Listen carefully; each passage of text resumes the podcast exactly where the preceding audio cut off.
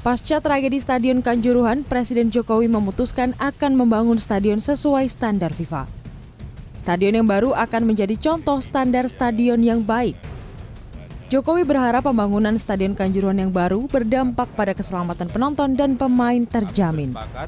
Untuk melakukan transformasi sepak bola Indonesia secara menyeluruh, memastikan semua aspek pertandingan berjalan sesuai dengan standar keamanan yang ditetapkan oleh FIFA, baik pemain maupun penonton harus terjamin keamanan dan keselamatannya.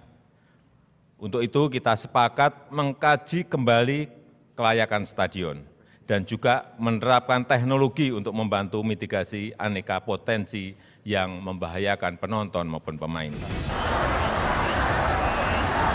Sebelumnya tragedi Kanjuruhan menewaskan 133 orang penonton Tragedi tersebut terjadi setelah pertandingan Arema FC melawan Persebaya Surabaya pada 1 Oktober silam.